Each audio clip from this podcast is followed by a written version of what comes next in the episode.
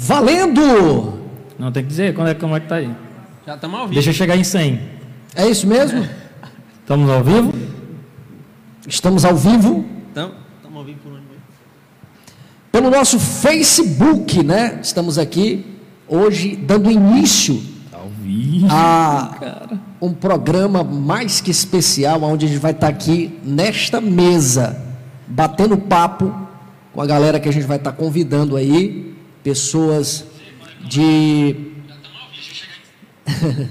Daí, aí complica. Pessoas aqui de vários segmentos, onde a gente vai estar batendo um papo. E o nome do programa se chama Na Mesa, né? E a gente vai estar nessa mesa aqui linda, né? Bonito. Que foi improvisada aqui, mas nós estamos aqui fazendo esse teste hoje, nessa sexta-feira. Hoje, dia. Dia 2? Primeiro. Primeira, hoje primeiro é de outubro, cara. Dia 1 de outubro. mês. Eu sou o Kennedy Maciel, nós estamos aqui, junto comigo vai estar aqui meu querido cunhado, Adonias Carvalho. Corta- corta pra mim. né? Já já ele vai estar falando também. E nós temos hoje aqui essa dupla abençoada aqui, que é os meus irmãos e amigos aqui, Pablo e Lucas. Né, meus amigos aqui que hoje são do Piripiri, mas eles são oriundos lá da nossa cachoeirinha aqui perto de Domingos Mourão, né? Então, meus amigos, que vocês possam estar nos acompanhando aí, nós vamos ter aqui muita entrevista interessante aqui com convidados e eu peço que você participe dessa nossa live que a gente vai estar fazendo toda sexta-feira a partir das 21, 21 e 30 por aí. A gente vai estar começando essa live toda sexta-feira e a gente vai ter aqui muitas participações aqui interessantes. A gente vai estar debatendo e conversando sobre diversos tipos de assunto. Vou passar aqui a palavra aqui para meu querido Adonias, se ele quiser aí se apresentar, né? E falar alguma coisa. Cadê? Já co- Já cortaram para mim? Corta para mim, né? Estamos aí, rapaz, é uma satisfação. Estamos aí transmitindo diretamente do Facebook, do Kenneth Maciel.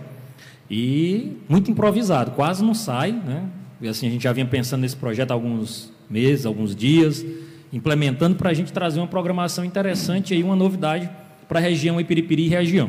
Estamos no Facebook dele, depois a gente vai estar apresentando esse projeto aí com mais cuidado, né? de repente com o nosso próprio canal do programa. E você que está nos assistindo aí, compartilha, rapaz. É um bate-papo aqui. A gente está aqui reunido com a galera aqui. Hoje é uma live experimen- experimental, né? Porque quem sabe faz ao vivo. Então a gente está se arriscando alto aí, diretamente ao vivo. Estamos aí com 13 pessoas. Interage aí. Opa, caiu para 10. Ó. Fui falar 13, ó. Caiu para 10. delícia. Tá 12? Mas aí você vai compartilhando aí, é um bate-papo, gente. É um, um- a gente vai trocar uma ideia aqui. Né? A ideia é que venham convidados. Então hoje a gente estava testando câmeras, estamos testando áudio. Você que está aí tem condições aí de, de avaliar se o áudio está legal, está muito alto, está muito baixo, se está entendendo direitinho, se a câmera está cortando legal. Vai avisando aí para a gente, o cenário ainda é improvisado. Mas a gente quis fazer, primeiro de outubro, já marcando presença aí nessa programação especial aí. E tem aí, vou deixar os outros meninos aí falar, eles estão ansiosos, tudo querendo bater um papo aí nesse, nesse podcast. Que é, e assim, a ideia é que, é- que, essa- que esse conteúdo aqui a gente tire o áudio, coloque nos agregadores de podcast. é, talvez não seja transmitido diretamente pelo Facebook, mas a gente acabe colocando num canal do YouTube. Então a gente vai bater um papo aí com na mesa. Então, uma programação especial para Piripiri, não tinha algo do gênero, né? Então a gente está aí com pioneirismo aí, lançando esse tipo de programação aí, tanto ao vivo, né, nas redes sociais, né, Facebook, YouTube, e também com a característica de podcast, que também isso aí vai para os agregadores de podcast. A igreja já tem o, podcast dela, viu? A gente está no Tempo Central, a gente já tem os podcasts aqui na região de Piripiri, a The Piripiricast, com as, com as pregações, mas nesse formato é uma novidade. Muito bem, aí nós estamos aí já com algumas pessoas aí nos assistindo. Quero mandar um abraço todo especial para nossos queridos aí, Sula Carvalho, que faz parte aqui da equipe de mídia, né? Também, ou melhor, Sula Vasconcelos. Eu estou misturando agora aqui. Deu uma misturada legal, mas é isso mesmo. Mas pegou um sobrenome legal aí do Adonias Carvalho, né? Era muita honra se ela pudesse ficar com esse nome, mas não, mas não pode, não. Então, mas aí nós temos aí o nosso Robert Soares, está nos assistindo aí. Uma boa noite para você, Robert. Meu querido Miqueias Pinto. Olha, compartilha aí, Miqueias. Eu sei que você tem muitos seguidores aí, viu? Então compartilha essa live aí, vamos Vamos estar aí intera- interagindo aí bacana aqui, juntamente com o pessoal. O Rafael Assunção, fotógrafo aí de primeira, né, Rafael? Tô sentindo sua falta aqui, hein, Rafael? Aparece.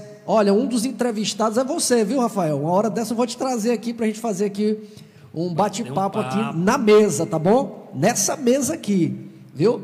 Então, queridos, é isso. Olha, a gente vai trazer para cá é, pessoas de diversos segmentos, como eu já falei. A gente vai trazer pessoas da, da política, a gente vai trazer médicos para trazer informações de assuntos importantes. Por exemplo, nós, esse é o novembro, ou melhor, outubro a. Roso, roso. É o rosa. É o, Porque é você o- acabou de passar setembro amarelo, ainda está ainda na, Exatamente. na cabeça. na- do- Então, no outubro rosa, a gente vai ver se a gente consegue trazer alguém aqui para tratar, tam- tratar também desse assunto. Isso é bacana, né? bacana. Então, a gente vai estar trabalhando aqui diversos temas. Então, fique ligado e esteja sempre conosco aqui em todas as sextas-feiras, a partir das 21h30, nós já estaremos aqui a todo vapor, tá bom? E aí, meus queridos, e vocês aqui? Esses aqui são dois irmãos que vieram hoje aqui, estão aqui na aula teste, e eles estão assim um pouco né, ansiosos para estar falando um Fui pego pouquinho. de surpresa, né? Foi pego de surpresa, pois é. Foi convidado há muito tempo, exatamente alguns minutos. né? Exatamente alguns minutos. Porque hoje a gente está fazendo aqui essa, essa live, aqui, esse programa, exatamente como um teste. Eu estou aqui, ó, da forma que a gente terminou o culto agora há pouco, aqui na igreja, estou todo de gravata aqui. Geralmente eu não gosto muito de estar com esse figurino aqui para esse tipo de, de trabalho aqui, né? De estar aqui apresentando o programa. Mas é, hoje a gente está aqui no figurino que a gente saiu do culto e estamos todos aqui, né? De mídia. Aqui o pessoal da equipe de mídia. De equipe de mídia. É. Então, assim, para não ficar só nas minhas palavras, eu quero aproveitar aqui e conversar aqui com os meus amigos aqui, tá bom? A gente se conhece já há um tempo, né? Meu amigo Lucas e Pablo são dois irmãos que há, há um tempo estão conosco, trabalhando junto com a gente, em todos os trabalhos que a gente tem aqui da igreja. E eu gostaria de perguntar para eles em relação a. Eu não lembro quando foi que, de fato, eles é, apareceram na nossa vida, né? Mas talvez eles lembrem mais do que eu. Como foi que vocês apareceram na minha vida, pelo amor de Deus? Que eu não me lembro. Tu lembra? Vocês lembram? Eu lembro. Tu começa, eu começo. Pode falar. Cada vez para não tumultuar. É, um de cada vez, né? Eu não fui apresentado aqui, né? Lucas É, Vinícius. Eu não me apresentei, né? Na verdade. Eu sou o Lucas, o Kennedy no início falou que eu era ali da, da região da Cachoeirinha, mas não, só, só de passagem por lá mesmo, né? Eu sou ali da região da Vaza, município de Domingos Mourão, né? Já morei em Teresina, Piripiri, é, atualmente, né? Já morei em Brasília também. E estou aqui porque é onde Deus me colocou e é onde eu me sinto bem, né? Amém. Amém. É, e sobre a pergunta do Kennedy, como foi que a gente entrou na vida desse povo aqui abençoado? é, eu lembro muito bem que foi pelo convite da Sula Vasconcelos, que está ali na, Eita. na direção. Tinha que ter a Sula pelo meio. Querendo ganhar para Jesus e para ela também. Ainda Nessa não, é- época, você não era ainda evangélico? Não, ainda não era. Ah, não. então não era a Sulinha, Não. Ela olhando ficava- lá para fora, Isso. avistou. Querendo pescar. Ah, rapaz, Sula. É assim que a gente vai descobrindo as coisas e ainda assim, né? Não é só a gente que tá descobrindo, a coisa tá na rede, Agora é ao vivo. na mesa e na rede social. É verdade. E aí ela ficava insistindo, né? Bora para a igreja. Ficava convidando. E eu, um dia eu vou. Jesus te ama. É, Jesus Eu te ama, e eu também. É. Aí, Gente, só abrindo aqui um parêntese aqui, isso é, isso é uma, uma técnica utilizada por alguns jovens, né? Que é muito perigosa, Já né, Mantonias? deixa, deixa eu tratar logo isso aqui, né? que Antes que o Vamos- pessoal vamos tome isso aqui começar. como doutrina. É, exatamente. Isso é uma técnica perigosa. O meu irmão, Kemuel, ele usou essa técnica também. Mas eu já vi muitos utilizar essa técnica e ficar pelo meio do caminho. Em vez de, do, de o evangélico trazer o não evangélico para a igreja, de é o, fora. o não evangélico que leva o evangélico Puxa. lá para o mundo, né? Que a gente chama. Mas é uma técnica perigosa. Tem funcionado com alguns, mas é perigoso. No nosso né? caso, por exemplo, né? Graças a Deus, né? Graças a Deus, esses são casos que deu certo, né? Graças a Deus. Graças a Deus. Irmão Pablo, e aí você lembra de algum fato assim interessante da, de como você é, iniciou assim esse é, é, de estar junto com a gente, de se relacionar, de estar mais perto, de a gente estar com essa interação toda que hoje, graças a Deus, aumentou bastante, né? A nossa amizade, a nossa parceria, de a gente estar andando juntos. Mas antes de no início, você lembra como foi que começou isso? Eu confesso que eu também não lembro. Teve alguém, teve alguém que pescou você? Você foi pescado por alguém? Primeiramente, um boa, né? primeiramente, uma boa noite a todos que nos assistem nas redes sociais. Meu nome é Pablo Vinícius e eu me lembro, basicamente, do começo e eu não tinha tanto contato assim com a Sula porque ela foi referência na, na época, né? Olha, era- referência, isso é Tá forte, vendo? hein? A gente era ali, eh, conhecia assim de longe, entendeu? E Desde 2014. mas o meu primeiro contato que eu tive assim com alguém que fazia parte da mesma igreja foi meu primo, Diego. Nos convidou, Ah, sim, o Diegão. né? nos convidou ali ao congresso de 80 anos da Assembleia de Deus e a gente lá a gente aceitou Jesus que foi 20 de setembro, né? 20 de setembro de 2016.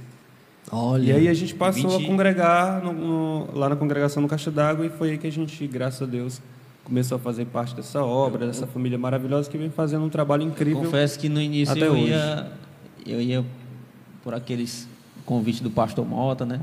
A gente ia evangelizar no cemitério ali no dia de Muda a finados. câmera! E depois tinha aquele. Muda! Depois tinha aquele. Muda aquele a banho de piscina, né? Na, na chácara aqui do presbítero Kennedy.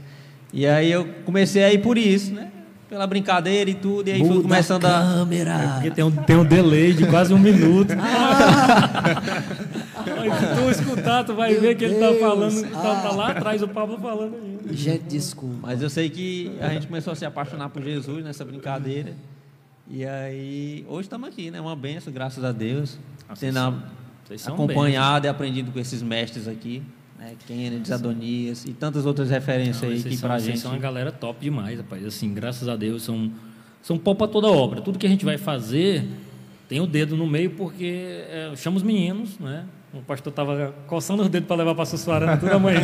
Vamos trabalhar amanhã na Sussuarana. Tô triste já porque não vai poder levar. Jogou uma vez para colher. É, mas, mas assim, tudo que, que, que mexe com parte de tecnologia, hoje estão tudo aí de manto, o manto da mídia aí, né? E que a gente tem uma equipe de mídia, isso aqui também acaba sendo feito pela equipe de mídia da igreja. Então, assim, é um trabalho legal porque eu acho que a partir desse, de- desse pontapé inicial aqui, Kenos, eu acho que vai sair- surgir uma série de programações legais, de, de conteúdo para a internet, que eu acho que eu acho que a, a, a nossa igreja acaba sendo pioneira nesse aspecto também, já que a gente está nesse papo de igreja, né?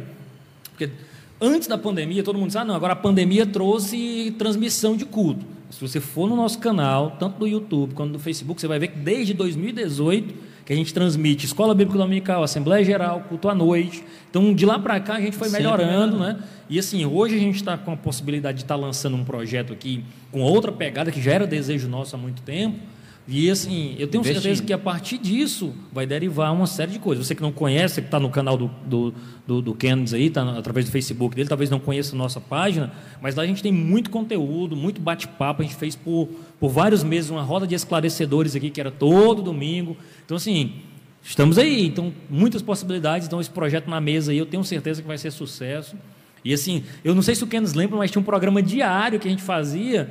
Assim que começou a pandemia, que era com ele, que era, era palavra de vida, todo dia. Palavra de vida. Então, assim, ah, esses caras estão querendo lançar modinha. Que lançar modinha, meu amigo? A gente já está aí nessa, nesse negócio aí faz muito tempo.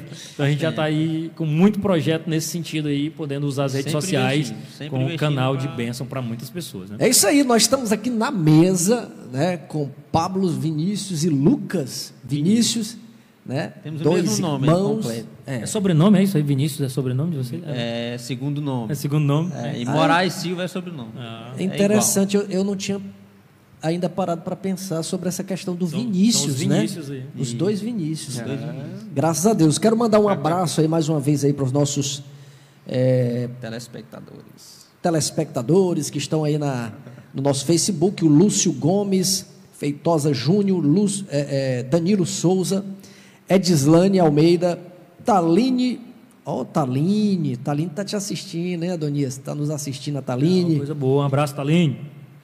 Camilo O Carênio Pareja. O hermano. É, Camilo Carênio Pareja. Falei certo aí, Camilo? Abração aí, Deus meu te filho. bendiga. Deus te abençoe. José Calma, Filho também assistindo aí. Ozielita Carvalho, sua tia, hein, Adonias também. Um abraço, tia. Um abraço aí para titia. Então, queridos, é, continuando aqui a nossa conversa aqui com a nossa dupla de irmãos aqui, né?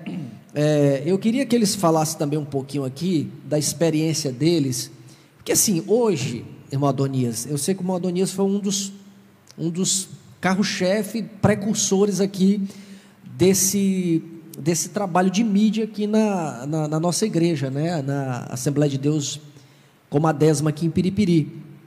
E eu gostaria de ouvir dos meninos assim, como é que tem sido essa experiência assim? Porque assim, se a gente olhar hoje, é, na, na grande maioria das igrejas evangélicas, a gente não vê um trabalho assim focado e com assim um empenho de fazer uma coisa assim profissional na nossa região. Hoje a gente tem a nossa a nossa igreja que a gente diz que é a nossa igreja matriz, né? Nossa sede que fica em Imperatriz, no Maranhão, aonde eles investem muito nessa área, né?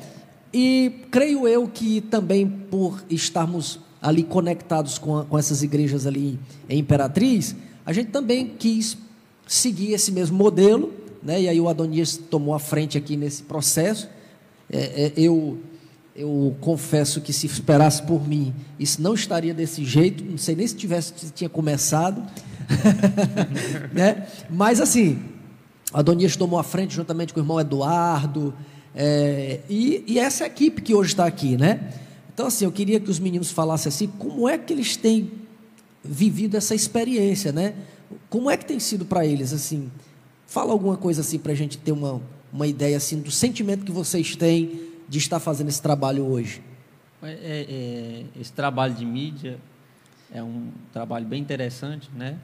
Como a- o Adonia citou no início aí, ele falou que desde 2018 a gente transmite e tem algumas igrejas que têm sido referência para a gente, como a própria igreja mãe, né? A Assembleia de Deus de Imperatriz, né? A gente tem acompanhado bastante, a gente tem se espelhado no projeto que eles têm e a gente tem feito aqui do nosso jeito, com pouco dinheiro, né, mas investindo, principalmente em material humano. A gente começou com uma equipe bem reduzida, né?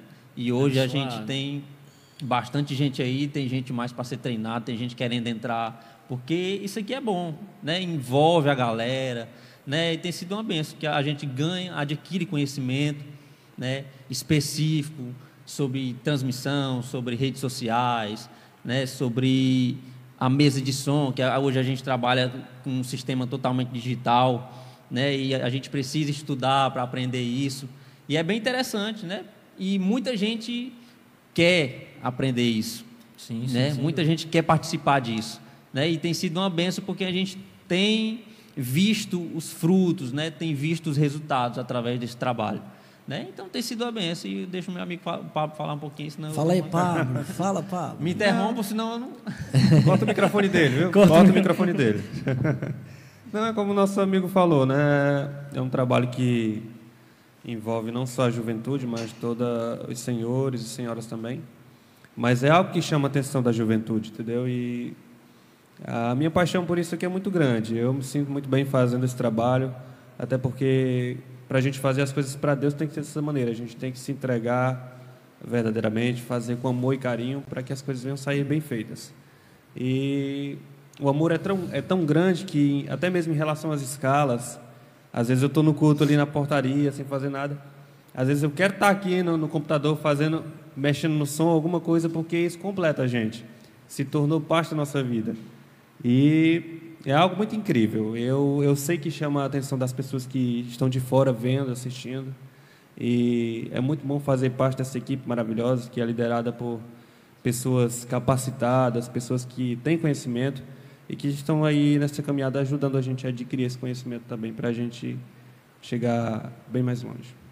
É isso aí, valeu. Vai lá, Lucas. A gente vê que todo mundo que visita a gente aqui fica surpreso, né? Com, com esse trabalho, É né? com essa estrutura que a gente vem conquistado aos poucos, né? E assim é pouco investimento, mas que surpreende o pessoal, surpreende a galera. né? A galera olha assim, meu Deus, olha os trabalhos que eles estão fazendo aqui, Não, né? eu, eu lembro, cara, assim, a, gente, a primeira vez que a gente transmitiu um culto foi em junho de 2018. Então a gente ainda tinha o, o, o púlpito aqui antigo, né? Eu lembro, eu lembro é, o som a gente não tinha cabo, a gente, a gente pegou um celular, então a gente transmitia direto no, no Facebook, direto, né? E com o celular sem um cabeamento direto da rede. Então, se alguém puxasse uma cadeira, falasse qualquer coisa, tu pegava o som completo. E aí depois a gente foi aprimorando para o cabo, começando a transmitir mais coisas. E aí, assim, era uma luta, porque geralmente o celular que a gente tinha, às vezes a gente plugava e não tinha como saber se tinha plugado. Então a gente ia para. Tinha que- tinha que ouvir a aí, transmissão. A gente, a gente tinha um- o Elano, o Elano não sei se está escutando, mas um abraço, Elano. O Elano ficava rodando ali fora da igreja com o celular no ouvido para escutar, para saber se o áudio tinha sido captado. Aí de lá ele falava, pegou, pegou. Aí pronto. Aí Se não começou. pegasse, tinha que é, reiniciar de Se novo. não pegasse, desliga. Aí peraí, irmão, calma aí, que já, já você começa a sua aula. É muito bom lembrar disso. Então, assim, foi muito trabalho, mas assim, hoje, quando a gente olha, todo o investimento que já foi feito, já foi gasto uma grana, mesmo com, com o recurso que a gente tem. E assim, hoje a gente vê que houve um desenvolvimento. E assim, o incrível é que quando a gente começou, ninguém botava fé, né? E aí, de repente, veio a pandemia, um monte de igreja que nem botava fé na gente muito, passou a gente, compraram tecnologia melhor, hoje estão melhor do que a gente em estrutura. Mas assim, eu, eu vejo o ganho de material humano. Então a galera se manteve coesa, a equipe cresceu, um time bom, pessoal comprometido, assim, que se você deixar a galera toca sozinho os projetos. E assim, a gente fica feliz. E, e- e hoje a gente está sentado aqui nessa, nessa hora aqui, fazendo essa transmissão, é fruto de toda uma equipe envolvida. A galera que não, não pôde estar aqui, com certeza está em casa ou acompanhando, ou tem alguma coisa para colaborar. Né? E é desejo também, né? A gente vê que antes a gente brigava, é, discutia e queria sair. Né? Hoje a gente briga para não sair, briga para estar junto. né? pra tá todo é mundo bem reunido. interessante. A- a- o pessoal ali da produção colocaram aí. Aí já tem patrocínio aí, É. rapaz, já tem patrocínio. Então, vamos aproveitar né, que a, a irmã, a, nossa equipe de mídia começou a colocar ali os nossos patrocinadores. Vai- vamos passar aí, né? Do Alto Bota Íntima, Alfanet. Muito bem, com o nosso querido Jardres. Nós estamos aqui com a é tecnologia mais- alfanete. Cajuína do Dondon. Gente, Esses caras são A sua tava torcendo para chegar nisso aí. Olha, gente, é, é, só se a gente tá batizando essa marca aí, a Cajuína do Dondon, aqui agora, né? A gente não, ele, o, o Dondon começou a fabricar, Dondon é o Adonias, né? Começou a fabricar cajuína, mas ainda não tem nome. A gente tá aqui batizando aqui de Cajuína do Dondon. Vai que pega, né? Olha aí, vai que pega, Cola, né? vai que cola, né? Então tá aí aí. o, o Rapaz, Dondon. Browns SV. Olha isso. Meu Deus, eu sei ler Quem isso. sabe, é Browns SV. designer de sobrancelhas. viu? Browns SV. A, a, a Sola Ah, fazendo propaganda aí. Gente, aí. propaganda aí da irmã Sula que faz aí sobrancelhas e o que mais? Só isso? Se- Design de sobrancelhas Design e de aplicação sobrancelha. de rena. Aplicação de rena. Eu não entendo muito dessas coisas, não, mas é isso. É, o nosso querido Lucas Vinícius aqui já, já deu aí uma, uma palhinha, uma pincelada aí, afinal de contas, né? Acho que aí vai para o mesmo bolso esse dinheiro aí. Eu acho que não. Eu acho que vai, pelo menos mais ou menos. Gente, o meu, ah, meu pai tá me ligando aqui agora. O que será que ele quer? Vem para casa. Vem para casa. Ele- É o horário. Já 10 e meia. Pessoal, a gente vai encerrar aqui essa live. Porque hoje, teste. assim, nós não tínhamos preparado nada para hoje. Hoje está sendo aqui uma live teste desse programa aqui na mesa. Só para chamar sua atenção para você, nas próximas sextas-feiras, ficar ligado, a gente vai estar aqui apresentando esse programa e a gente vai sempre estar trazendo aí alguém, um convidado especial, para estar falando sobre algum assunto aí importante. Vamos fazer de tudo para estar divulgando antes da sexta-feira quem vai estar, certo? Que é para você ficar ligado, de repente o assunto te interessa. E não vai ser aquela coisa assim tão formal. O formato do programa é esse aqui, é uma coisa descontraída. Entra um assunto, entra outro. A gente vai conversar aqui, na- mesmo que a pessoa, por exemplo, se um político vem aqui, ele vai vir, ele vai falar é, de política, mas ele vai falar da vida pessoal dele também, ele vai falar de outras coisas que não necessariamente é política. Tá? Se vem um médico aqui, ele vai falar de, de, de medicina, da área dele, mas não somente de medicina, ele vai estar falando aqui também da vida dele, para você que gosta de conhecer mais um pouco mais da vida de alguém, né? A gente tem essa mania de querer saber da vida dos outros. E aqui a gente vai ter esse formato bem descontraído mesmo, para estar conversando aqui, tá? Então, aqui na apresentação desse programa, eu, Kennedy Maciel e Adonias Carvalho, estamos É aqui. Essa é a primeira de muitas, se Deus quiser. Uma boa noite, Deus te abençoe. Adonias, suas considerações finais. Valeu, pessoal. Nossa audiência estava subindo agora, Kenos, ó. Acredito. Pois é, eu vi. É, o pessoal, eu digo, 20 agora eu digo, vamos continuar. 21 pessoas. Mas assim, que bom que você ficou aí com a gente. É, eu não vi nenhuma reclamação de áudio, eu não vi nenhuma reclamação assim de, de, de câmeras. E assim, a ideia era a gente vai reassistir isso aqui depois com calma, ver como foi que ficou o áudio. Mas assim, fica com a gente aí, você já sabe, você tem um encontro marcado na mesa com a gente. Na mesa. Valeu, uma Um boa abraço, noite. boa noite. Um Boa noite. abraço. Boa noite.